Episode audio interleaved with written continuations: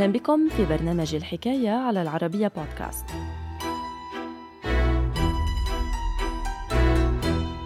بعد رفع السرية عن الآلاف من الوثائق المتعلقة بحلف وارسو تم الكشف عن وثيقة سرية عرفت بتمرين سبعة أيام إلى نهر الراين يعود إلى عام 1979 يحاكي سيناريو حرب نووية تستمر سبعة أيام وتنتهي بانتصار حلف وارسو بعد محو مدن بكاملها بضربات نووية.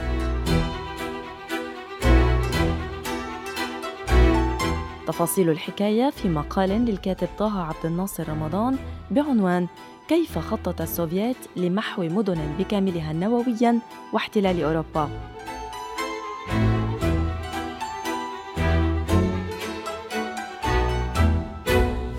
الحكاية.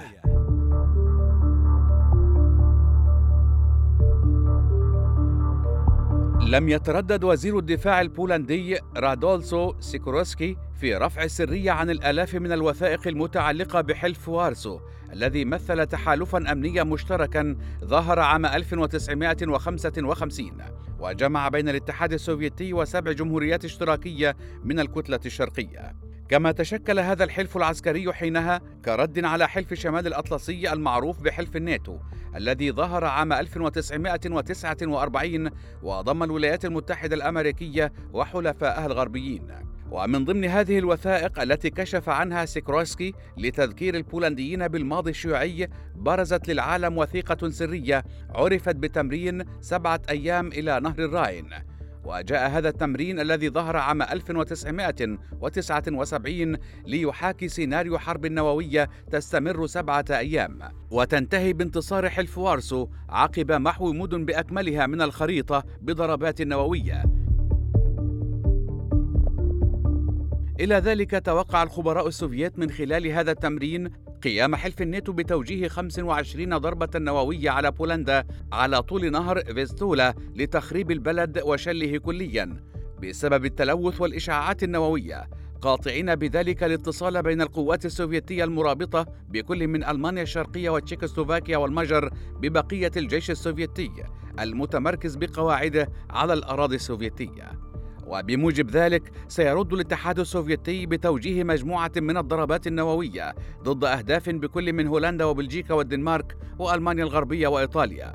وهو ما سيكبد الناتو خسائر جسيمة تزامنا مع تدمير مكتبه في بروكسل. ومن خلال مناورة استراتيجية استثنى الخبراء السوفييت الأراضي الأمريكية والبريطانية والفرنسية من ضرباتهم النووية. وحاول الاتحاد السوفيتي خلق حالة من التخبط في صفوف هذه الدول التي تحكمت بشكل منفرد بترسانتها النووية حول إمكانية استهداف الأراضي السوفيتية وأول من سيقوم بذلك منهم. وعلى حسب هذا التحليل الذي قدمه الخبراء السوفييت ستعجز كل من بريطانيا وفرنسا والولايات المتحدة الأمريكية عن القيام بذلك خوفا من رد نووي سوفيتي على أراضيها. وتزامنا مع هذه الضربات النووية سيبدأ الجيش السوفيتي بمساعدة نظيره التشيكوسلوفاكي بالتقدم نحو نهر الراين في فرنسا بشكل سريع. ولإنجاح هذا الزحف البري تحدث الخبراء السوفيت عن امتلاكهم دبابات تجاوزت من حيث العدد تلك التي امتلكها حلف الناتو. وبينما سيقدم الطيران الحربي لحلف وارسو على تدمير المطارات العسكرية للناتو سيباشر الجيش المجري بالتدخل في النمسا لاحتلالها. بسبب دورها المركزي بالقارة الأوروبية.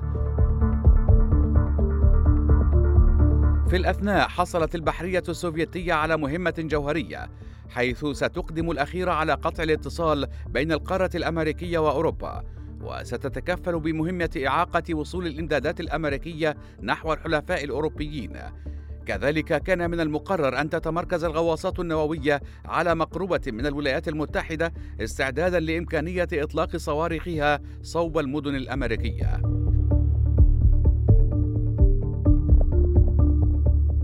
وفيما يخص الضربات النووية خطط الاتحاد السوفيتي لاستهداف العاصمة النمساوية فيينا بقنبلتين نوويتين بلغت قوة الواحدة منها 500 كيلو طن في المقابل خصصت السلطات السوفيتية ثلاث قنابل نووية بقوة 500 كيلو طن لمدن فيجينزا وبادوفا وفيرونا الإيطالية لتسهيل دخول المجريين واحتلالهم للشمال الإيطالي وبألمانيا الغربية وضع الخبراء السوفييت مدن شتوتغارت وميونخ ونورنبرغ على رأس قائمة المدن الألمانية التي يجب محوها من الخريطة قبل دخول القوات التشيكوسلوفاكية إليها. وبموجب هذه الضربات النووية تحدث المسؤولون السوفييت عن إمكانية بلوغهم نهر الراين في غضون أسبوع واحد وتحييد حلف الناتو بشكل كامل بأوروبا.